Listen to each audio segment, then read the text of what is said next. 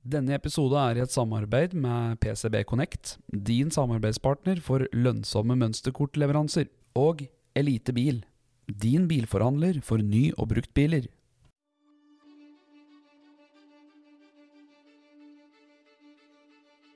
Gå veien sammen med dem. Og være en omsorgsperson, være en støttespiller, være en uh, voksenperson, være en kompis, være en bror, en søster. Altså Vi skal ikke gjøre jobben for dem, vi skal gjøre jobben sammen med dem. De skal ha delaktighet i eget liv, da. Og det er jo absolutt kjempeviktig idet du driver og blir voksen. For uh, idet du blir 18, så er du jo på en måte voksen. Men uh, vi skulle alle kanskje ønske, når vi ble 18, å ha en litt sånn kompis og støttesetter som har vært der før, da. Ikke være redd å stille ungene dine det spørsmålet. Eller gå og mistenke over lengre tid og bygge opp masse aggresjon eller uh, uvitenhet om hva som foregår om kvelden. Bare ta det med en gang. Du hører nå på Team Up podkast. Mitt navn er Espen Haug, og i et samarbeid med Team Up Helse AS har vi nå laga denne podkasten nettopp for deg. God fornøyelse.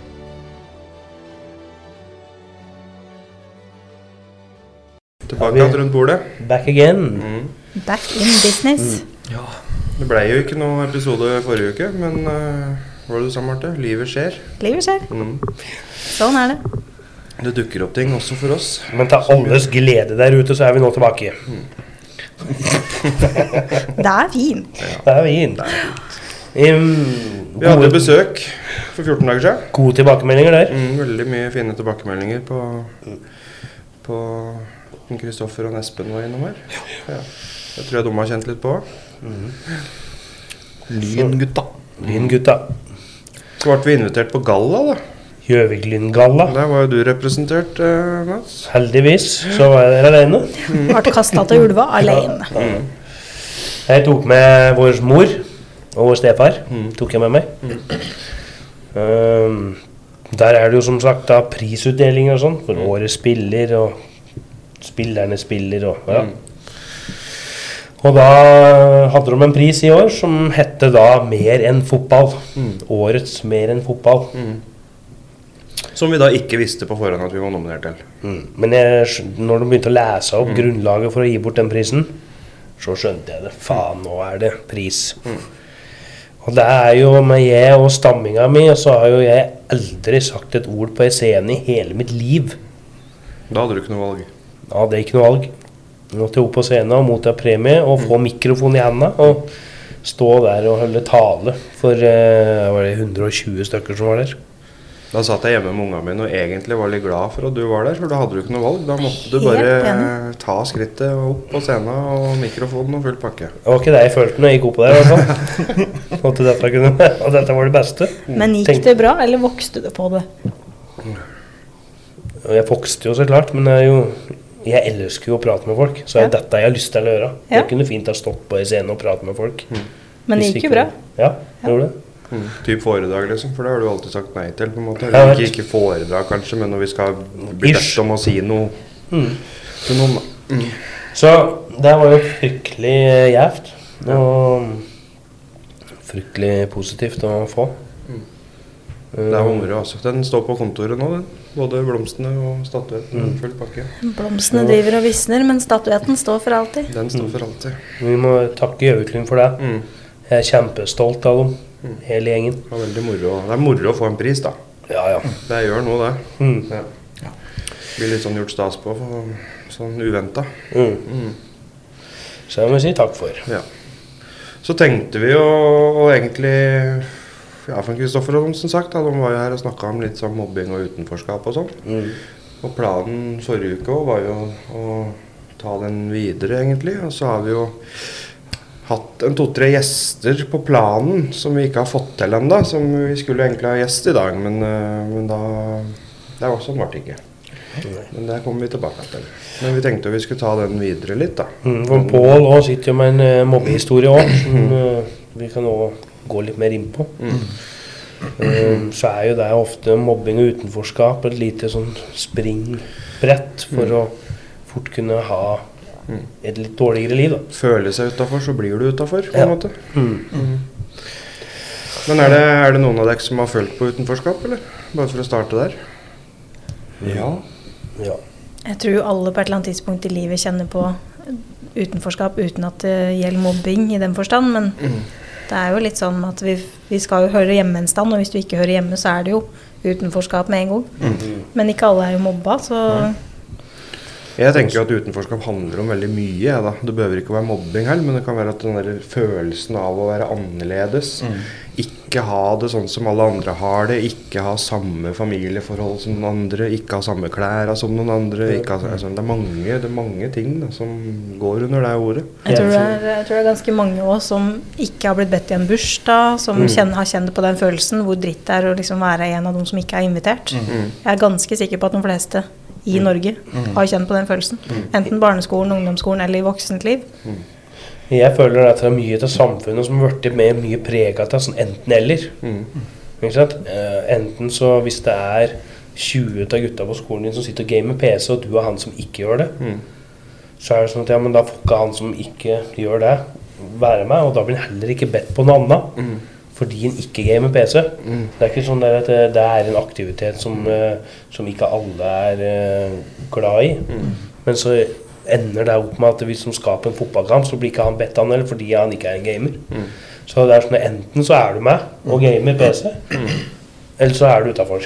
Eller så er du han ene gutten som ikke spiller fotball, som da ikke blir bedt Ja. på sånne Så jeg, jeg føler at det samfunnet er preget, veldig mye preget av sånn enten-eller. Enten har du klær som er dyre på deg, så har du ikke. Og da får du ikke vært med den gjengen. Og. Så jeg føler at det er veldig preget av sånn enten-eller.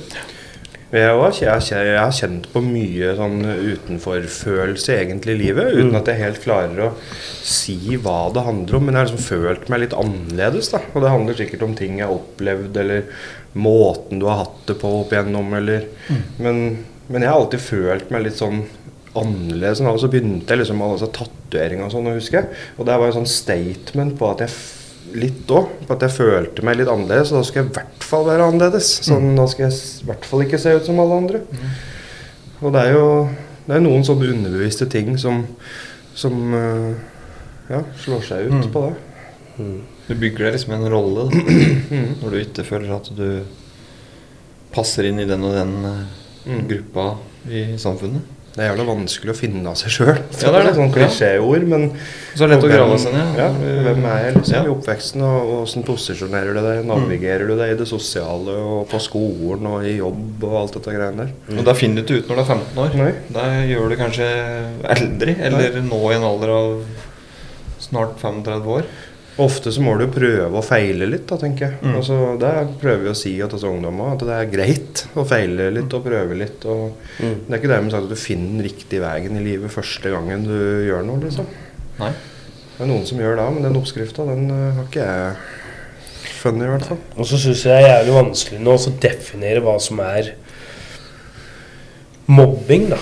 Ja. Og ikke. Fordi vi og der merker det på ungdomma.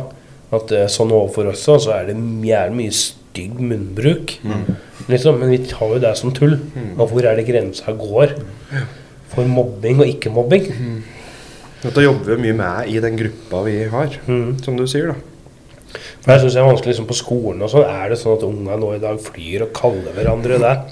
Og det er helt greit. Mm. Eller er det noen da som tar seg nær av det? Altså hvor, når er det det går over til mobbing? Ikke sant? Ja, hvor er grensa? Ja. Ja, så er det noe med den kulturen, for at det er jo innad i, innad i uh, gjengen som er hos oss, da, f.eks. Så er det mye kødding og mye språkbruk, som du sier, og sånn. Men så er jo det ting som ikke passer seg uh, på jobb. Eller, Mm. altså, uh, så én ting er jo liksom å, å håndtere det innad i, i kulturen, men så skal du jo på en måte lære dem å fungere på en arbeidsplass. Og du kan ikke prate sånn at kollegaene dine sånn som du gjør. Så det er mye oppdragelse i i å prøve å ramme dem inn på all den der, eh, køddinga og språkbruken som de mener er uskyldig, men som kommer til å prege dem i livet i samfunnet da, hvis de ikke gjør noe med det. Hva er det, hvor, hvor er det dere syns grensa går? Jeg tror jo egentlig at det ligger litt hos offeret, ja, hvis du kan kalle det et offer, eh, hva de syns. Fordi hvis det er repeterende bruk av enten skjellsord eller handlinger som pågår over tid, altså som blir gjort mer enn én gang, ofte med vilje, så tenker jeg at hvis du kjenner Altså hvis det føles ut som at du blir mobba, så tenker jeg det er det som tilsier Da, Da blir du mobba. Ja. At hvis du føler på at dette her skjer opp igjen og opp igjen, Ja. eller det er systematisk, egentlig. Mm. Da er det mobbing. Hvis noen oppfatter det. Og så er det ofte ikke tilfeldig at den samme fyren i gåsetegn blir kødda med hele tida. Da ligger det som regel noe bak, da. Mm. Tenker jeg. tror du det har noe med uh, måten som offeret tar det imot på? Det er fælt å kalle det offer, altså. Ja, det, jeg, vet, jeg, vet ikke åssen andre ord jeg skal bruke. For det, du er jo et offer for noe du Mobbeoffer. altså, Du vil jo ikke bli mobba, så du er jo et offer for uh, En handling En fra en ja. annen part. mm. Så du blir jo et offer. U Ja. Automatisk så er du et offer. Hvis du blir utsatt for noe som altså, Hvis du blir utsatt for noe du ikke vil sjøl, så er du jo et offer sånn Ja. i ordets rette forstand, da. Men Og så er det sånn, så tror jeg mange unger går med den eh, frykten da, for å gå og prate med voksne og belyse det. Mm. Fordi det kan jo òg resultere i at mobbinga blir enda verre Mm. etterpå. Mm. Så det er jo sånn fryktelig ond sirkel. Dette er jo stygge greier, vet du, for det kan jo ødelegge livet til folk. mm, Og det er, jo bare et, eh, det er jo bare starten på noe som kan bli skikkelig ille, liksom, med åra som går. Du vil jo ikke være den uh, sladrehanken, Nei. men til slutt så må du jo si ifra, og da er jo den frykten for at nå finner de ut at de har sladra. For du Mm. sier til læreren din eller eh, kompisen din eller vennen der at eh, vær så snill, ikke si det at det var jeg som sa det. Og så får de på en eller annen finurlig måte vite at du har sagt det likevel. Mm. Og da vet du hva du gjør. Jeg tror også mange på en måte blir mobba i vennegjengen sin, men de vil ikke miste vennene sine. Altså Ja. De har et inntrykk av at dette her er vennene mine. Mm. Så at de kødder med meg, det må jeg tåle, på en måte. Eller det er eh, Det er det er, mein, altså, det er bare sånn det er i guttegjengen eller i jentegjengen. Eller det, Og så finner de seg til egentlig noe som sårer dem, og så de ler med der og da. Og så går de hjem igjen, og så er dette litt vondt. Mm. Men så tør de ikke å si noe, si noe om det. Det er jo litt med at når du ja, det er bare sånn, Hvis jeg hadde det vanskelig på skolen, så kunne jeg komme hjem og spørre til mamma liksom, hvordan har du hatt det. Jeg har hatt det fint. Men så, er det, så re reagerer du sterkt på noen andre ting som skjer hjemme. da. At det kommer ut hjemme. Og da skjønner jo foreldre ofte at det er noe galt, men så vil du fortsatt ikke si det. Så det blir jo sånn Nei, dette der syns jeg er et vanskelig tema. det er jo vanskelig for foreldre òg, for jeg tenker når går grensa hvor foreldra tenker at de skal reagere. Fordi hvis det er sånn at ungen kommer hjem og forteller om ting som skjer opp igjen og opp igjen, og den ungen ikke reagerer eller forteller at jeg blir mobba, når skal du gripe inn? Når du skjønner at kanskje noe skjer, da. tenker det er jo kjempevanskelig. Det som er skummelt med mobbing, er at øhm, øhm, det, det finnes så mange forskjellige historier og oppvekster og opplevelser. Så vi, jeg tror folk generelt skal være litt forsiktig med å kødde med ting i forhold til at du veit ikke hva den du sitter og prater med, har opplevd, eller hva det trigger i folk. da. Og så du kan liksom kødde med med, ja, med ganske mye forskjellig. Men, men hvis jeg har en opplevelse i mitt liv som gjør at jeg blir trigga på det, så er ikke det morsomt for meg. Ja. Så jeg tror alle er tjent med å være litt sånn Være litt forsiktig med hva du liksom kødder med og sånn. Øh, hva du sier til folk. For det, det er du, det, du mener det sikkert harmløst, du òg. At du skal kødde med et eller annet. Men så vet du ikke at du sitter og snakker med en som har uh, opplevd uh, ting. Da. Dette syns jeg er et vanskelig tema. Det er vanskelig liksom, og Dette er det i hvert fall ikke noe fasit på. Det eneste jeg mener og syns, er i hvert fall at den mobbinga er jævlig stygt. Altså. Mm. For det er, du får- har ikke noe god følelse altså, når du drar hjem til fra skolen og Mm. føler på den ensomheten og ikke har noen venner. Og, Det finnes jo overalt. Mm. På alle arbeidsplasser, på skoler, på Ja. vennegjenger. Altså i alle settinger. Og det er nok mye vi ikke ser på som mobbing òg, men som er mobbing allikevel. Mm. Vi er så vi er så fæle med hverandre noen ganger. Mm. Når vi skal prate med folk. Mm. Når mobbinga så er det mm, Den begynner i veldig tidlig alder òg. Jeg vet om folk som jobber på skole, som har sju, åtte, niåringer. Mm. Og er så stygge i kjeften. Jeg lurer på liksom, hva, hvor er det kommer fra. Mm. Så er det dette med, som gjenganger da, med sosiale medier. Det er så lett tilgang på det. Og um, aldersgrenser og sånn blir jo ikke overholdt i det hele tatt lenger. Nei. Sant? Du har jo unger på 7-8 år som ser filmer med 16-årsgrense. ikke sant? Så det er jo ikke noe som blir overholdt. Det er ikke noe rart at eh, munnbruken og slik blir på denne måten her. Jeg tok jo sønnen min nå i å opprette TikTok-bruker og sånn, og så er det jo egentlig 13-årsgrense på det. Men, øh, men det var jo ikke klar over, holdt jeg på å si. Men så ble den jo bandet, som en sier, da, til slutt. For om øh, han skulle legge inn et eller annet, og så kom fødselsdatoen fram, eller noe sånt. Men det er jo så enkelt. For én ting er jo at det er regler, men det er jo bare å omgå de reglene. Det, er jo bare å opprette bruker og, og ljuge litt på ting. I forhold til utenforskapet òg, så er jo det òg en ny greie. da, at Hvis fem stykker i klassa får lov til å laste ned noe som har 13 års aldersgrense, og du er 6 år, Mm. og de andre ikke får lov eller ikke får spille det spillet, så blir du utenfor. Så det, det temaet her kan jo prates om i evigheter, for det er så mye i livet vårt som omhandler utenforskap, Mm. som igjen kan resultere i mobbing. Så det er så stort tema. Mm. Så, men hva skal du gjøre, da? Fordi hvis du ikke vil at ungen din skal spille et voksenspill, så har du full rett til det. Men så resulterer det at du holder ungen din utafor. Så det er jo kjempevanskelig. For ingen vil jo være med hjem til den ungen som da ikke får lov å spille de spillene som alle andre får spille. Med blir ringvirkninger. Ja, Så du gjør det riktig, men samtidig så Det er så vanskelig, da. Jeg vokste jo, jeg har vokst opp, jeg er jo sånn enda. Jeg vokste opp med at jeg, jeg var ikke eh, talent i noe. Jeg var ikke supergod i noe. Jeg klarte å gjøre alt midt på tre. Jeg var ikke god, og jeg var ikke dårlig. Jeg var så midt på tre. Så jeg var jo alltid sånn òg. Jeg, jeg ble ikke vært først på noe lag, men jeg ble ikke vært sist heller. Så jeg var sånn, jeg har alltid gått og streba etter noe. Faen, har jeg talent i noe? Er det noe jeg kan? Men alt var sånn midt på tre, og sånn er det enda. Så mm, Jeg husker det sjøl, hvis, jeg- hvis jeg er liksom kritisk til meg sjøl. For vi spilte jo jævlig mye fotball da jeg var ung. Det var min greie.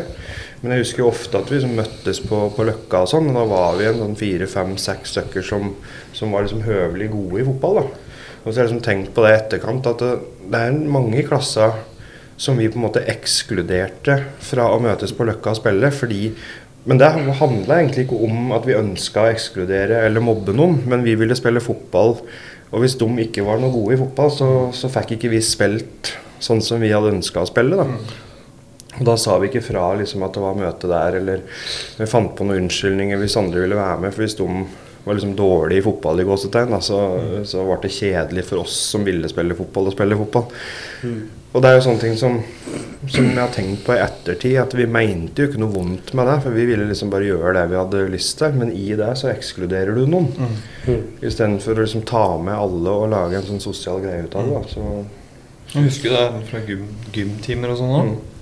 Der du blir valgt sist. Det er jo kanskje en grunn for at du blir valgt sist, tenker du sjøl. At det likte med et eller ingen vil ha meg på lag, eller Du har aldri fått vite hvorfor du ble valgt sist. Men det er jo noe, ja. noe vi ikke til å unngå heller. Nei, det er akkurat, ja. En eller annen blir jo til sist. Nei, ja, uansett. Uansett. Mm. Men det kan være like gjerne en som er god i noe. Ja, Men så har du liksom bestekameraten din der, da. Og så velger ikke han deg, og da føler du kanskje at Å ja, er jeg ikke, hvorfor får ikke jeg være på lag med det lenger? Mm. Men han, vi kan ikke styre hvorfor han velger dem han velger. Nei. Så du vil alltid føle det utforskapet, da, som Marte sier. At eh, en eller annen gang så er du sistemann. Jeg følte litt på dette med utenforskap fordi at jeg streber alltid etter å finne noe som jeg var god i. For at folk skulle velge meg først en eller annen gang. Men det, har jo, det skjedde jo aldri. Ja. Men så blir det jo sånn der nå Der vi er på marken nå, ikke sant. Så er det jo der skal vinne sjokolade, så vet jeg at jeg vinner jo aldri noe. så det er jo sånn hele tida. Så det er en gjenganger. Dette, dette er sitt sitt i enda, da. Men som voksen da, så har du jo funnet talentene dine. Og så nå, si nå vet du jo hva du er god i. Dette med skruing, og Du er den verste Petter Smarten jeg vet om. og så Det er jo ikke noe du ikke kan ordne, både elektronisk Nei, nei. og, og byggmessig og alt som er. Ikke? Nei, men da sliter du med at det er alltid noen som er bedre enn deg. Mm. Skjønner du? Så du strever alltid etter det høyeste. Ja, mm. Så sånn, sånn for min del, sjøl om jeg, selv om jeg liksom kan være flink til sånne ting, så er jeg ikke best. Nei, men du er bra nok. Ja, Men i Ja. ditt, ditt hue så er du kanskje ikke det. nei. Og det er jo slik som Ja, henger Og hvor kommer det ifra? Jeg Der kommer jo strebinga di. Ja. De aller færreste her i verden nå er jo best. Altså Det er jo Jo, jo. ytterst få da som er best. Altså Alle vi andre må jo bare innfinne oss at vi kommer aldri til å bli best i det vi prøver på. Men er det liksom Men Er det jeg, målet jeg, alltid? jeg er liksom ikke født med noe talent. Nei, nei. Men jeg tror det handler sånn i klassa og sånn på skolen og sånn, så tror jeg det handler om misunnelse. For når du ser han som er best da, i fotball, Mm. så har du lyst til å være han. altså du har lyst til å være han Ja, som er ja. best i noe. Men, men alle kan jo ikke være best. Hei. Og du må jo, målet i livet er jo å finne det du kan, eller det du er god på. Mm. Og det er jo det vi prøver å si til oss ungdommer òg. At det målet her er jo ikke at du skal bli like god til å skru som det han er, f.eks. Målet er at du skal finne Din greie. din greie, liksom. Eller din vei, da. Særlig sånn når du er liten da, og skal bli best i fotball. Så selv om du blir best i fotball på Gjøvik, da, så er det ikke sikkert du blir best i Norge, og så skal du ut i verden, og da er det folk som er mye bedre enn deg igjen. Så det er liksom ikke alt. Du tror da når du er liten at så lenge jeg er best i fotball, da Mm. er resten av livet mitt uh... Og så er det jo, og så er det jo sånn at hvis jeg, hvis jeg først gjør noe nå, altså, hvis jeg ligger an til å lede i bowling, da, eksempel, så er jo jeg jo helt ADHD-en tar jo helt overhånd. Jøss, nå er jeg på tur til å vinne, og så går alt i dass. da. For, det er- du blir så gira, ikke sant. Jøss, nå er jeg på tide, nå er jeg nesten på nære å vinne her, og så går det rett til helvete etterpå. Ja. sjølsaboterer. Ja. For at alt skal være sånn som det pleier å være. Ja. Men jeg, jeg skylder jo veldig mye på sosiale medier i forhold til det vi er inne på nå. Da, for at det handler så jævlig mye om sammenligning. Altså Vi sammenligner oss med alle hele tida. Jeg har en sånn følelse at jeg aldri er bra nok. For at hvis jeg gjør noe, så finner jeg alltid en eller annen som jeg føler gjør det bedre enn meg. Men uh, jeg kan se på sosiale medier liksom at en som får til en ting jeg har følt jeg mestrer, og så gjør han det enda bedre. Ja. Og så er det så fokus på hvem som skal være best og sånn på sosiale medier, og hvem som er penest, og hvem som har best kropp, og hvem som har den beste sixpacken, og hvem som har de hviteste tenna. Og så er det liksom Jeg skal vedde på at når du sitter på en flyplass med flere tusen folk, så sitter alle og kikker rundt seg og sammenligner seg sjøl med alle andre. Og når det kommer en med streffskoffert, så tenker alle at fy faen, han der har lykkes i livet. Han er businessman og han skal ut og fly. Men så vet de jo ikke om han er på gjeldsordning eller har gått, kjørt fem firmaer konkurs og er helt ute å kjøre, liksom, og har lån opp etter pipa. Men vi sitter og Ja. sammenligner oppi huet bilde. danner oss et bilde av folk. da. Kan hende sitte på hotellrommet på kvelden og drikke seg snydens og ikke ha familie og føler seg mislykka. Så du vet jo aldri. Jeg skjønner ikke hvorfor vi skal sammenligne oss med alle andre hele tida. Og jeg, har, eh, jeg syns jeg har gode skussmål nå for å, liksom, å drive med den rolla jeg har med ungdommer. Ja. Få min jobb og sånn. For jeg har ganske nøkternt syn på hva som er bra. Mm. Ikke sant? For det har jeg liksom lært meg med åra. At, eh, at eh, bare du gjør det og gjennomfører, det er det viktigste. Jeg har alltid gjennomført, jeg. Selv om jeg har vært dårligst. har alltid vært med og, og sånn. Så For når vi sammenligner oss med folk, så har vi ikke grunnlag for å gjøre det, egentlig. Vi danner oss en tanke eller en fantasi oppi huet av hva det mennesket er, eller hva, den, hva prestasjonen til den mennesket er. Og så begynner vi å sammenligne oss med en fantasi, og så vet vi ikke hva det handler om, liksom. Vi har ikke snøring på hva vi strekker oss etter. Og der kan jo være grunnen til at mange av flere av ungdommer også som ruser seg litt òg, som har såpass, som sliter såpass mye med dette, at uh, de må nesten være sånn som de ruser bort den følelsen av ikke å være bra nok. Jeg tror jo at sånn optimalt så bør vi egentlig sammenligne oss med oss sjøl. Altså vi, bør, vi bør alltid egentlig prøve å bli en bedre versjon av oss sjøl. Og ikke bedre enn nabomannen eller han som sitter foran deg på kinoen. Eller han, altså du må ha fokus på deg sjøl og hva du får til. Og, og gi deg sjøl klapp på skulderen for alt du mestrer. Om det er små eller smått eller stort i hverdagen, så er det oss sjøl vi må konkurrere imot.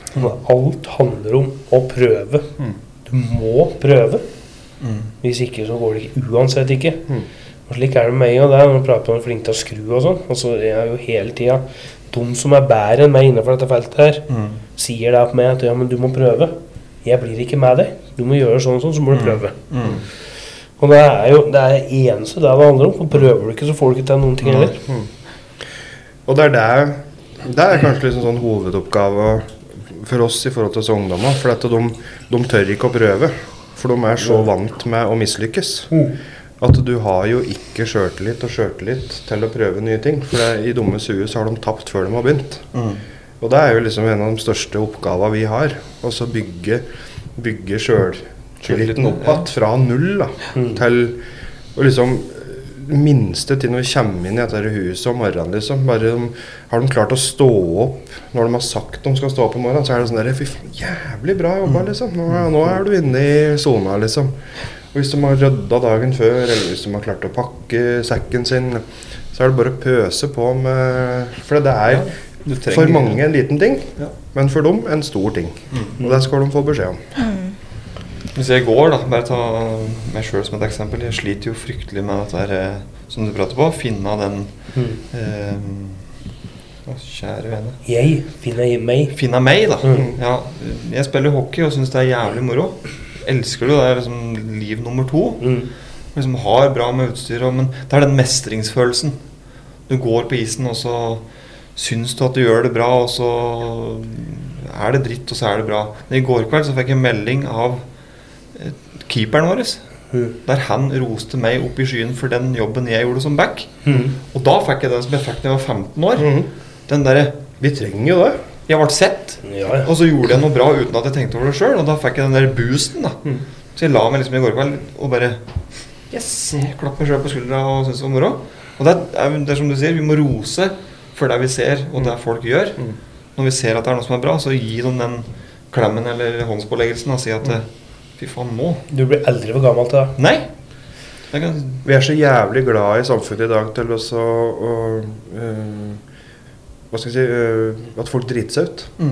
Vi er så Ja. glad i å prate om at folk driter seg ut. ja. Og jeg har hørt at han uh, har gått på trynet med økonomien. Sånn, ja, det visste jeg, for han kjørte rundt disse bilene der. Og Ja. ja, det bare venter på og sånn. Det fortjener han, for nå har han driti seg ut. på- på. dømme og dømme og dømme. Ja.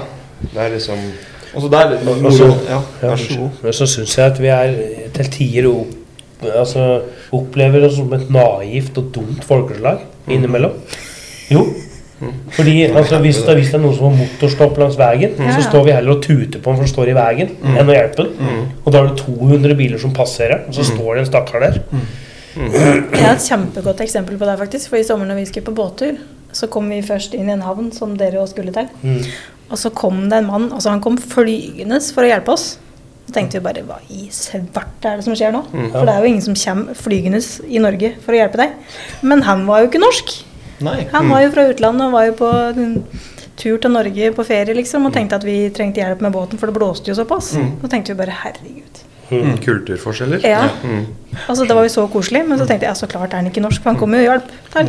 Det er sånn jeg jeg opplevd sier- folk på brygga som når du kommer inn i uvær og regn, da, så sliter du som bare det. Så sitter det folk på brygga og liksom Herregud, se Mm. De er på altså, der, da, de er klarer jo ikke å rygge inn båten engang. Altså, jeg, jeg, jeg, er så, jeg, jeg er så lei av å se sånn. Altså bare jeg er på Rema og handler, så står det folk i, i Ikke i Altså noen som skal kjøpe seg noe, da. Står dritsure, liksom. Ja. Dritsure på kassadama, liksom dritsure generelt. Og liksom folk er opp med nevene hvis du har lagt det litt feil på parkeringsplassen. Mm. Jeg, jeg, jeg, jeg takler det ikke sånn, jeg. Altså, da, da tenker jeg for meg sjøl hvor hvor mye Gjør du noe bra i livet ditt, så har du ikke en sånn holdning, for da er du blid og fornøyd. og hvis du kjører feil på parkeringen, så hilser du og viser at ja, men dette går bra. Ikke noe problem. Og så skal du stå så Hvis de har kjøpt en dårlig gulost, da skal de stå og skjelle ut kassadamen på Rema. Mm. hun stakkars jenta som har vært på jobb siden seks for at vi skal få, kunne, han, få kjøpt mat og lek. Det, er så, det er så mye sånn dårlig oppførsel. Og nesten eh, versten er borte, er voksne folk. altså, Folk blir høye på seg sjøl. Ja. Og det er roten til mye vondt. Mm. At en tror de er bedre enn noen andre og sånn. Det er sånn kultur som er uh, Ja. å spy av, egentlig. Nei, køkulturen er jo verst i Norge. Ja. Det var jo, jeg var òg i ei sånn kø en gang. Det var ei dame som hadde 14 kroner for literen og sånn. Og alle sto liksom og klaga og var dritsinte for de måtte stå Ja. bak der. og jeg gikk og betalte, jeg, da. Ja. Sånn at vi kunne liksom komme oss videre. Og da, sånn, Hun var så takknemlig, og alle andre så nesten på meg som om jeg var gæren. liksom. Men jeg begynte å liksom gjøre litt sånne ting. Sånn Finner jeg et bankkort, så plukker jeg det på og med hjem igjen og ringer den det tilhører. Mm. jeg tenker at det er så godt for den personen å miste det.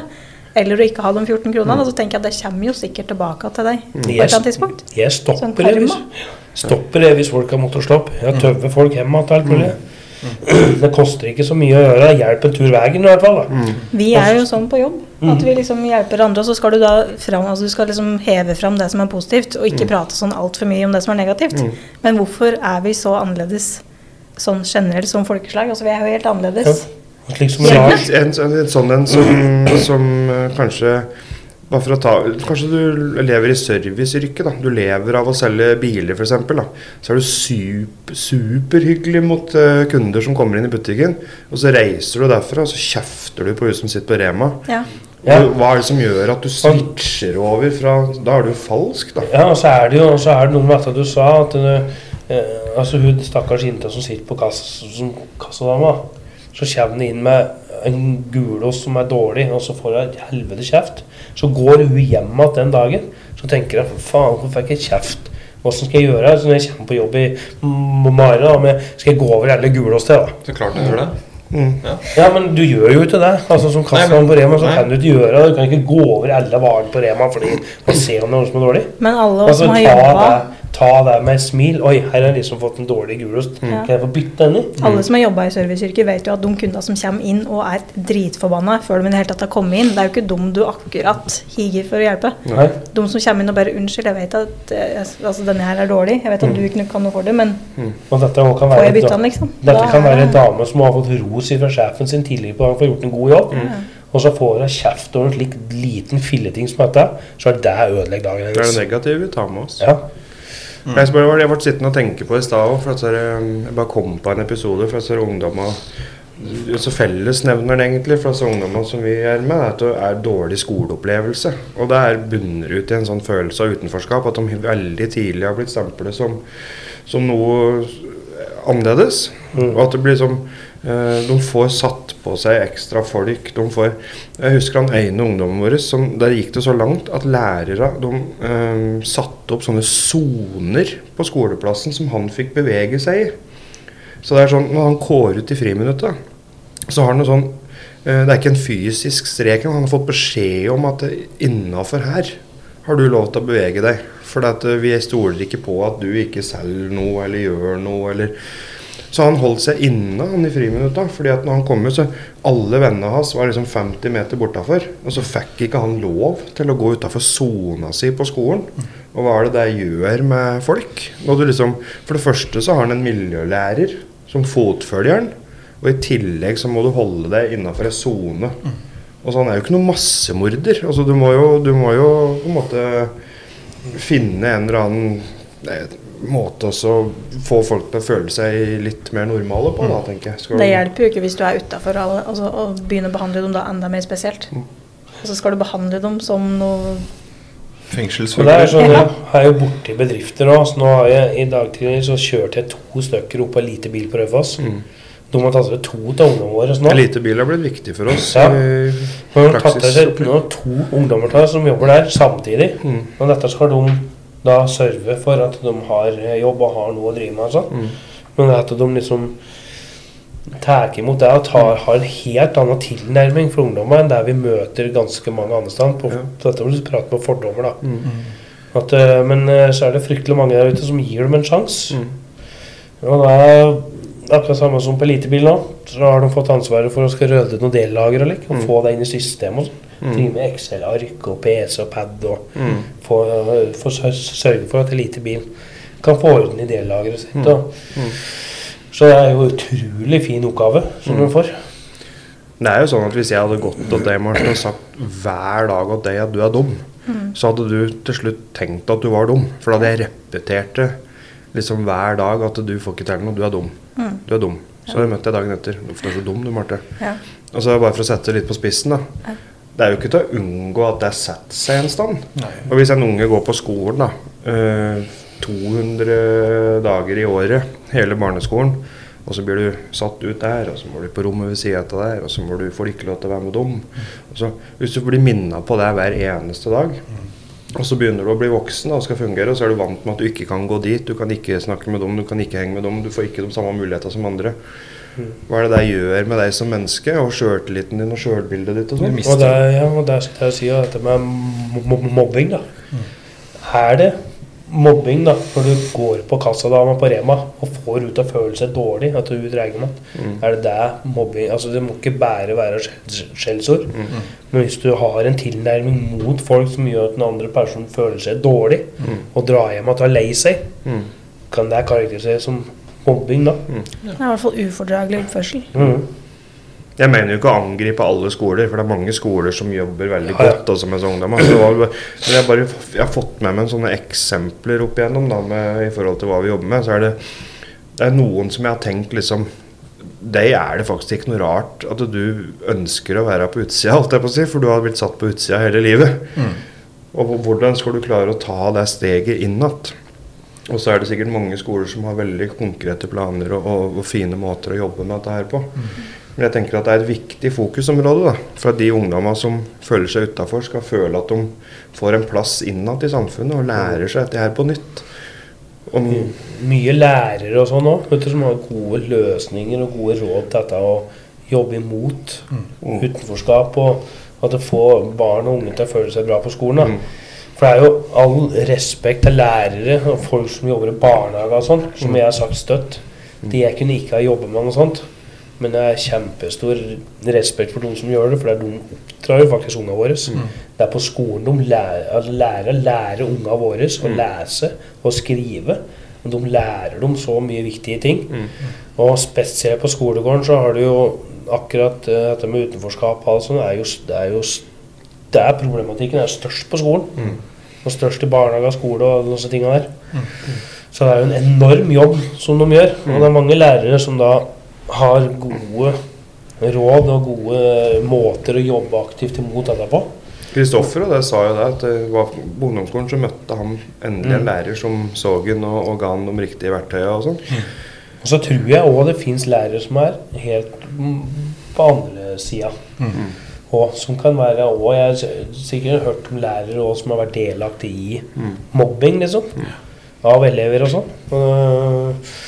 Men jeg føler at i all hovedsak så mesteparten jobber for er- eller mot mobbing, da, utenforskap. Og jobber mest med inkludering og Og så er jeg veldig ambivalent med en ting til som, som ungdommen har kjent mye på, og det er dette med straff. De skal straffes for alt mulig. Vi som jobber med ungdom ute der, da, altså vi har dem jo ikke inne i noen institusjon, eller vi har ikke noe døgn På mange av dem har vi ikke noe døgngreier og liksom sånne ting. Vi jobber med dem aktivt i sitt eget liv ute i samfunnet. Og vi bruker jo ikke straff. Altså vi bruker kons Du må forplikte deg, Mm. og så får det noen konsekvenser. Men da er det avtalt på forhånd. At eh, du, De blir ikke bare straffe uten at de skjønner at de blir straffe. Altså, vi, snakker jo alltid om ting på forkant. Du, hvis du skal være med dit og dit, f.eks., så må du gjøre det og det. Og hvis du på en måte ikke gjør det eller gjennomfører det, og sånn, så må vi revurdere det. Men da har du, vært med og tatt de valgene sjøl. Og da opplever ikke ungdommene det som straff. Da, da er det veldig tydelig for dem at det her er det noe jeg ikke har gjort. fordi Og så får ikke jeg det fordi jeg ikke har gjort det. Og ditt og andre veien, da, at hvis du, når de først presterer dette, da, så får de det sånn og sånn, og da får de oppleve det og være med på det og sånn. Men det er så mange av dem ikke sant, som blir ut på gangen, ned til rektor. Du får ikke lov til å gå ut i skolegården. Du får ikke lov til å gå utafor sona der. Og så er det sånn, ja, men hvorfor? og så står de som spørsmålstegn. Hvorfor? Ja, du veit jo det sjøl. Du har oppført deg sånn og sånn. Og så sitter ungdommer og så veit de ikke hva de har gjort. Altså, de, de har kanskje en følelse av at de har gjort et eller annet, men de får ikke den der forklaringa. Og da lærer de har de, ingenting. innimellom har de kanskje ikke gjort noe her. At Nei. de bare blir tatt under en kam fordi de alltid er med. Mm. Og, ja, og så kan læreren sende den ned til rektor, og så har du en veldig fin rektor da, som da spør hvorfor er du her. Mm. Så sier han gutten jeg vet ikke, jeg havner i en situasjon, og så kan han få en dialog der. Men da har det allerede skaden skjedd, Mm. for den dialogen skal du ha først. Mm. Mener jeg, da. Du prater med ham først. Mm. Dette er jo samme som å sette seg ned med et eget barn og så bare litt ned på dummes nivå og fortelle om hvorfor du er sur, eller Mm. hva som er gjort galt og sånn. Jeg tror det, det handler så jævlig mye om der å forklare Mm. og lære. For de, de, ofte så skjønner de ikke at de gjør noe gærent. Og de, de tenker bare at de har gjort De har mye energi.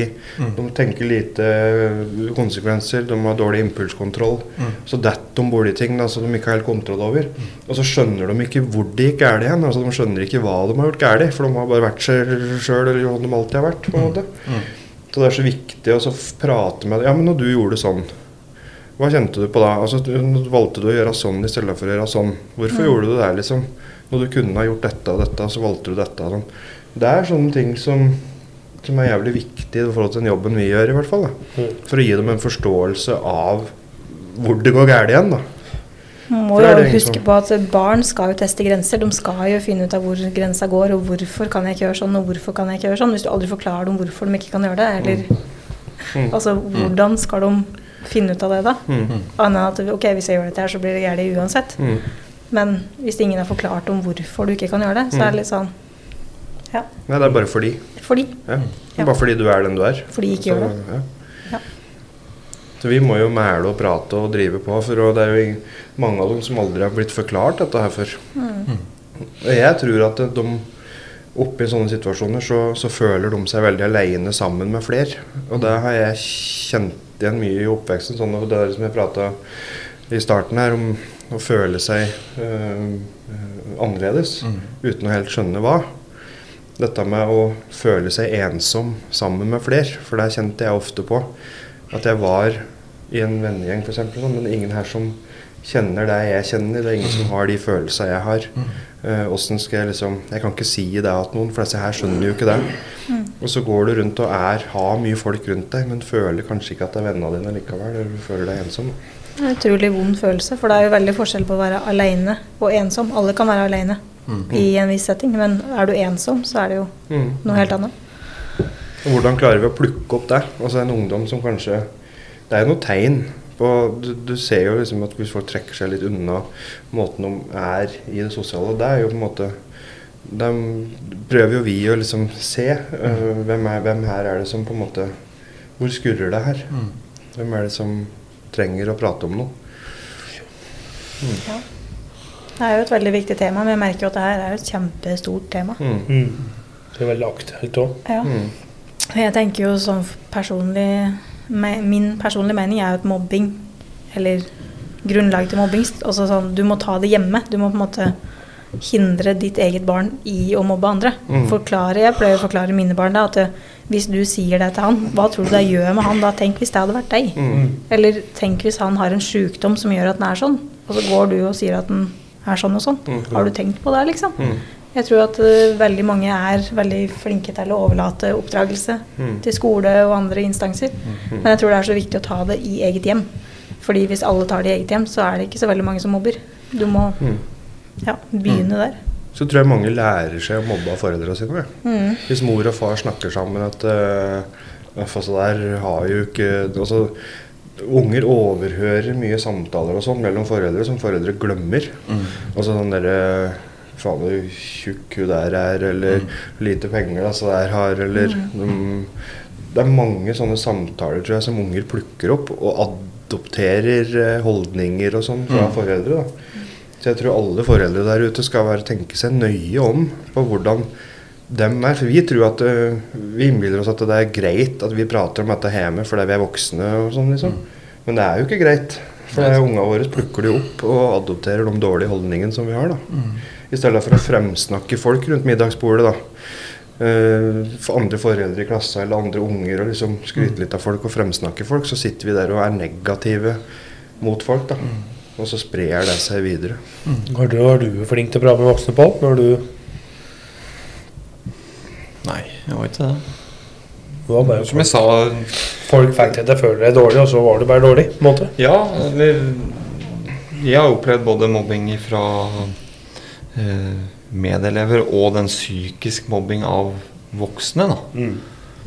Det var en episode som jeg aldri kommer til å glemme, og den kommer til å sitte i ryggmargen helt til jeg gravlagt. Det var eh, Jeg bodde jo på Raufoss, da, som jeg sa sist, og Raufoss har liksom gjort meg til vond jord. Jeg har ikke noe mye positivt å si om Raufoss, men det står jeg for òg. Men det var en episode jeg hadde kjempegod kompis som jeg ble kjent med da jeg flyttet til Raufoss, han heter Lars. Vi var jo sammen støtt. Ikke meg, altså. Nei, ikke deg. Nei, det var en annen Lars. Eh, vi var jo alltid sånn ert og ris. Eh, gjorde mye dumt sammen og mye moro sammen. Eh, så han hadde jo mor og far som var eh, gift. Så jeg følte en tilnærming der. At jeg alltid kunne gå at mor og far hans og prate om ting som jeg syntes var vanskelig. Da. Og så var det en episode der vi ble bedt på middag hjemme hos mammaen hans Lars. Og så satt vi der, og da var det jo Nokia 5110 omtrent. Ved. Så ringte den, og så er det en sint far som ringer meg.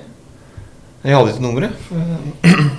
Og han gir meg da eh, en ordentlig skole da, over telefon. Over at eh, nå må du Jeg skal ikke si akkurat hva han sa, men nå må du i hvert fall komme igjen med den sparkesykkelen som du har stjålet. Så tenkte jeg at jeg har ikke visste jo at jeg har ikke stjålet noen sparkesykkel. Mm. Jo, den hadde han sett at jeg hadde stjålet. Og Så sier jeg at men jeg har jo vært hjemme hos Lars og mammaen hans og spist middag. Nei, det har du ikke. Du har vært nede i Rødfoss, og du har stjålet sparkesykkelen av dattera mi. Og du må komme hit med den nå. Mm. Og samtalen var altså, han ble bare hissigere og hissigere. Og jeg følte meg mindre og mindre verdig, da. Mm. Til slutt så sier han at det, hvis det kommer noe, så kommer jeg og tar deg. Og når en voksen mann sier at en på, på 14-15 år, da setter du mye følelser i sving. Mm. Så jeg begynte jo å grine, og mor hans Lars tok over samtalen. Mm. Og han sier akkurat det samme at hun. At eh, han Pål skal bare komme med sparkesykkelen, så kommer jeg. Så jeg ble jo livredd, så jeg fløy jo ifra det hjemmet. Ned til en annen kompis av meg nede i eh, Raufoss. Og så forteller jeg at han har ringt meg, og så sier han at jeg har stjålet en sparkesykkel. Og i, i ren redsel da, så kaster jeg telefonen min i garasjeveggen, så den knuste. Eh, for at han ikke skulle få tak i meg. Mm. Og så gikk jeg hjem og hadde mamma, og jeg turte ikke å fortelle mamma det. Mm. For jeg var så redd for at hun skulle bli sint på meg. For at hun, som voksen så tar du kanskje gjerne party med en annen voksen. Mm. Men da mamma hun var alltid sånn at hun skulle forhøre seg med meg om hva som var riktig. Men jeg turte ikke å ta den samtalen med hun da, så jeg lot det egentlig bare ligge. Og så kommer jeg på skolen dagen etterpå, og så får jeg vite at det er jo en annen gutt som òg har rød caps og samme Bufu-genseren, som har stjålet den sparkesykkelen i Raufoss, Mm. som kunne vært meg, som går i klassa mi. Men så er det jeg som får den. Jeg fikk ikke lov til å forklare meg engang. Så den, liksom, den henger, da. At en far ringer og nesten drapstruer deg som 15 år og sier at du skal komme opp med en sparkesykkel, og så vet du at du ikke har stjålet den. Og så uansett hva jeg sier, så Du har tatt den uansett, du. For du var en fyr som satt litt på utsida, og lett å skylde på. Ja, og så var jeg han der lille gangsteren da, som Mm. Eh, fløy rundt i seggebukser og tente på skauen og syntes det var jævlig moro. Mm. Og da var jeg et lett objekt å ta. Mm. Og så var det han andre som gikk i klassen min som hadde akkurat samme klesstil som meg, som var med i samme skategjengen. Mm. Som hadde lånt den sparkesykkelen uten å si ifra. Mm. Og han har enda ikke kommet og sagt unnskyld, da, han faren her. Mm. Og han ser jo i avisa rett som det er, og liksom høyt opp i Raufoss-miljøet og sånn. Mm. Og tenker at det, enten så har han noe som plager han, og som han ikke har vil prate om, Mm. Eller så har han ikke beller nok til å komme og si unnskyld. Mm. Så jeg håper jo at han hører på nå, Mm. og kan komme og be om unnskyldning. For det, det sitter så jævlig langt inne. Mm. Og som en voksen så burde du kanskje komme og beklage det etterpå. Mm. Så det irriterer meg, altså. Mm. At foreldre eller foresatte kan være med å ødelegge unga eller eh, barn sine liv. Mm. Er vi dårlige til å innrømme feil? Innrømme at vi gjør feil? Ja, det er vi jo. Ja, vi er jo det. Ja. Og det er skammelig da kanskje Mm. å komme og si unnskyld etterpå, Mm. men det er så lite som skal til. Ja, det gjør så mye, da. Altså, Ja. Gå til noen og si at beklager, jeg, at det er, nå tok jeg helt feil. Mm. Eller dette skulle jeg ikke gjort. Ja. Det er jævlig lett å si Ja. unga våre, Ja. for der er vi gode. Vi ber jo dem om å gjøre det. Ja. Men da må du dit. Ja, men vi tør ikke sjøl. Jeg tenker fortsatt på det hver gang. Det er jo, det er, vi har gått på samme skole, så vi Ja. hadde de samme lærere og alt mulig. Men det er jo fortsatt voksenpersoner jeg møter fra f.eks. ungdomsskolen, Mm. som jeg blir irritert når jeg møter. Mm. Fordi du f.eks. da fikk skylda for ting de hadde gjort, Mm. og fortsatt da bare later som ingenting. Mm. Ja, og det ja, det er, ser de jo en dag i dag. Ja. Men det Så er sier det- litt når du sitter her nå som voksen og fortsatt tenker på denne episoden. Ja. Det er, altså, du kan Men, tenke deg hva, hvor mye sånne ungdommer opplever når de er 13-14-15 år. Da, Mm. Som setter seg i systemet, og de drar med seg resten av livet. Mm. Og det kan være nok da, til at de faen meg har dårlig sjøltillit, er redd for samfunnet, er redd for å prøve seg på noe, er redd for å ditten og datten. Fordi de har fått sånne opplevelser i Men det jeg skulle gjort nå, da, Ja. som voksen, er jo gått bort da, til denne vedkommende eller disse her det gjelder, Mm. og pirket dem på skuldra og sagt 'Skylder ikke du med en unnskyldning?' Mm. For det, men det er jo ikke jeg tøff nok til å gjøre. Jeg er jo pissredd når jeg ser dem. Jeg snur jo på hæla og går andre veien. Og så er du jo redd Shani, at de da ikke vet hva du prater om. For Ja. dette, er dette, er, dette sitter jo så hardt i deg Mm. Ja. At de kanskje ikke tenker over det. Nei. Og så blir det sånn Å ja, det er bare jeg som tenker på det. Hvis, hvis de som- ikke ja. husker det i tillegg, Ja. så blir det et ekstra slag i trynet. For Ja, der brydde du tydeligvis det ingenting om. Mm. Dette er å plage meg. Ja, det her så hadde jo ei, ei mor at en bestekompis som stilte opp for meg, som ikke visste om hva som har skjedd i forkant, men hun så jo på meg at jeg ikke har gjort det. Ja. Mm. Og da, da så klarer han ikke å gi seg, og akkurat som at uh, uansett hvem som har stjålet den, så var det meg, da. Ja. Og urettferdighet, det sitter Ja, ganske hardt, da. Ja. Men jeg skulle jo selvfølgelig ha gått og tatt en telefon og sagt at eh, Men jeg, jeg tjener ikke noe på det, annet enn at jeg vinner den selv, den respekten tilbake igjen. Mm. Men jeg er fortsatt der at hvis jeg skal ha med meg noen og konfrontere noen, så må jeg nesten ringe til mamma og få med meg for å holde meg i handa. For jeg er jo pinglete ennå. Ja. Men du drar med det derre liten usikker gutt-fenomenet Ja, den sitter utapå den. hele Ja. livet. Men eh, pass på hva han sier, tenker Ja. jeg. Ja, Slik som du sa, rundt matbordet, mandagsbordet. Mm. Prater ikke stygt om andre sine unger. Og prat med ungene dine om altså, hvordan egentlig skolen går. Kanskje fortere å si sånn, gikk det bra på skolen i dag? eller? Så sier de ja. Og så, Ja, ja, så jeg bra. beit meg Det er merke til det Marte sa. Mm. At de ikke spør hvordan Mm. eller hvorfor. Mm. Ikke bare 'går det bra', liksom. Men hvordan har du det? Mm. Hva har du drevet med? da? Kan du fortelle meg litt om skoledagen din, liksom? Det er ganske viktig. altså. Mm. Akkurat den der, altså byttet ut noen ord der kan ha utgjøre en kjempestor forskjell. Mm. Og så hvordan har du hatt det, og hvem har du lekt med? For Hvis de sier sånn, er mange forskjellige, ja, men si, Mm. hvem har du lekt med? Og hvis de da ikke klarer å finne på et eneste navn, så bør det jo gå litt av sånn Mm. varsels... eh, Eller sånn hvis, de- hvis dum og dum har gjort det og det, da. Ja, Åssen følte du det da? Ja. Eller åssen var det å være deg når de liksom holdt på med sånn og sånn og sånn? Det går an å liksom følge opp dialogen med å spørre litt mer enn bare sånn der åssen går det, liksom. Så tror jeg det er forskjell på eh, foreldre som har opplevd mobbing sjøl, kontra en forelder som ikke har Som har levd livets glade dager. da Mm. Ikke har vokst opp ting bare Ja, ikke har gått livets harde skole. Mm. Men eh, jeg merker det med ungene mine at eh, hvis de sier at de ikke har hatt det bra på skolen, da er jeg veldig på kroken og sier at eh, da skal vi finne ut hva som har skjedd. Mm. For jeg vil ikke at ungene mine skal oppleve det jeg har vært gjennom, eller noe av det samme. Mm. Og Da er det å finne ut da hvem som har gjort hva, eller hva som har skjedd. Mm. Og der ser jeg jo nå allerede i første klasse at der begynner mobbinga. Men lærere er kanskje vage på å kalle det mobbing. Men jeg kjenner jo at lunta hvor det tok fyr først. Mm. At det begynner med to ting, og så eskalerer det. Og så var det egentlig bare et uhell siste gangen. Mm. Men det var jo meint for at det skulle være trakasserende mot uh, unger. da. Mm. Så er det nok mange lærere som går litt rundt i grauten, for de Ja. er kanskje redd for at det er mobbing, og så vil de ikke lage et problem hvis det ikke er det. Nei. Så det blir litt sånn at eh, det går lang tid før Ja. det faktisk blir avdekka. Ja. Og da har kanskje skaden skjedd allerede. Mm. Så jeg tenker at det er kjempeviktig å bare være åpen om det, åpen om alt som har skjedd. Og så hvis samme navnene går opp igjen, så er det greit å ta det videre. Mm. Jeg har jo begynt å gjøre det som forelder, for jeg vil ikke at min, mine barn skal oppleve det eller utføre det. Altså hvis jeg finner ut at mine barn mobber, så kommer jeg til å dra med meg dem etter øra på døra til den jeg finner ut at de har gjort det mot. For det er, sånn skal det ikke være. Så jeg håper jo at andre foreldre òg gjør det. At samme om ungen din mobber noen andre eller blir mobba, så det skal ikke skje. Det skal liksom ikke bare gå i glemmeboka at vi later som at det ikke skjer, for hvis det skjer, så kan det ødelegge livet til noen. Helt klart. Alle skoler er jo lever som prinsippene at de skal ha mobbefri Ja, skole og sånn, men Det kommer vi aldri til å få. Nei. Og hva gjør vi med det? Det, det, Det fins ikke noen kur mot mobbing. det høres jo fint ut, da, Mm. Mm. men eh, det er ikke realiteten. Ja. Antimobb eller hva Mm. faen det var som var her for mange år siden.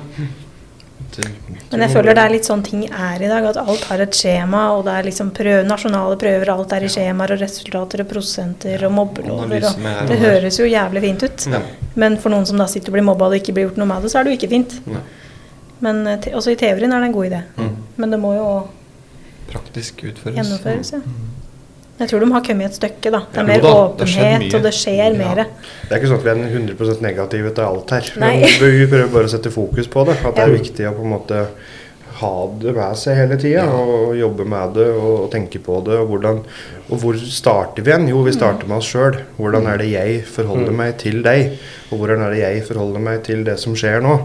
Vi, vi får ikke forandre andre, men vi kan forandre oss sjøl. Eller ha fokus på det og gjøre det riktige sjøl. Mm. Tenk litt over det, folk liksom generelt, åssen du tar ting på Rema. Kan hende hun som sitter bak eh, kassa, er liksom kunne ha vært en person som har vært hos oss, f.eks. Som har en tøff bakgrunn, som ikke takler det så godt. Mm. Så man må alltid tenke på det, være litt greie med hverandre. Stopp da, hvis det er en som har fått motorstopp langs veien. Mm. Spør om du kan hjelpe med å dytte til sida, eller har du fått ringt berging, eller Og hvis det er noen som liksom kaster seg ut i rundkjøringa da, foran deg, ikke heng på tuta. For kan hende han liksom bare så ut som at han skulle rekke det. Mm. Og så bare hell sånn da, bare jeg skjønner det. Mm. Kjør videre, liksom. Mm. Ikke skap når du liker en dårlig situasjon. Det er ikke noe vits. Mm. Du kommer ikke noe fortere hjem igjen fordi du hengt på tuta for en som kaster seg foran rundkjøringa. rundkjøringa. I verste fall så stopper han, og så kommer han, og så kliner han til deg.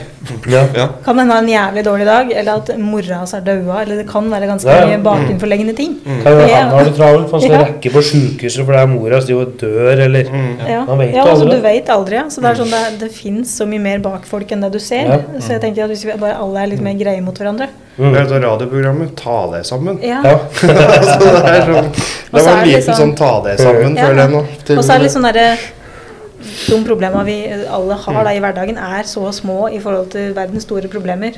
Og det er så mye sykdom og død, og vi lever et ganske kort liv, da. Så det blir sånn skal vi bruke hele livet på å klikke hver gang noen kjører rundkjøringa, eller Altså, vi lever én gang, kan vi ikke bare Ja, ha det fint? det mener jeg. Til være litt greie med hverandre. Ja. Gjør ting som er positivt, og dra hverandre opp i stedet for å dra hverandre ned. og Gjør noe fint for noen du ikke kjenner. Kanskje det gjør dagen deres, eller Ja. året deres. Mm. Slipp forbi en som har det litt travelt i trafikken. Ja, Ja. bare sånn. Espen, nå er det lenge siden du har sittet og hørt på oss. nå. Ja, lenge siden jeg har sittet og hørt på, jeg. Mm. Hvordan eh, har dagens episode vært? Jo, det har vært veldig bra. Vi har tatt opp eh, Vi har satt lys på mye som er verdt å sette lys på. Og jeg vil jo legge til det at eh, det vi prater på med å sammenligne seg med andre Mm. eh, Jeg tror det òg kan være litt sånn negativt for sjølbildet òg. For du set, ser på andre som Ja, det kan være helter osv., men å sammenligne seg sjøl med andre eh, vil nok jeg si òg er veldig Det kan være dumt, da. Eh, for det at eh, jeg mener at eh, du skal heller finne ut hva du vil drive med, f.eks., Mm. og hva du er opptatt av. Mm. Og så skal du gjøre ditt beste på det. Og det er bra nok. mm. uh, tenker jeg, da.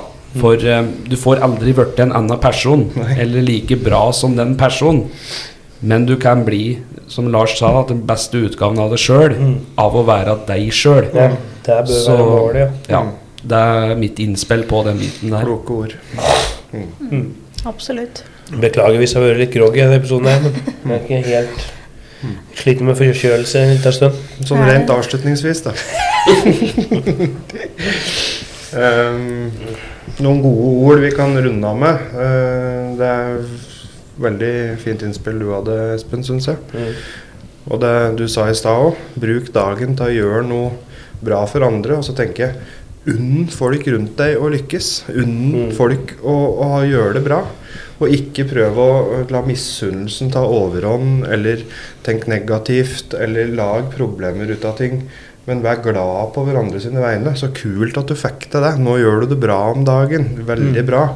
Back hverandre opp, og slutt med at dere og husk på det at uansett hvilken vare eller tjeneste du er avhengig av, Mm. husk på at det er hardtarbeidende folk som ligger bak for at å kunne gi deg den tjenesten, eh, gi deg den varen du ønsker. Mm. Så ta og oppfør deg mot dem òg. Mm. For at det er faktisk hardtarbeidende folk her Mm. som står på pinne Mm. for at vi skal ha det vi trenger.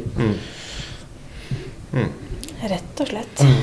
Og snakk sammen fortsatt, da. Vi minner om det òg, som vi pleier å minne om ganske ofte.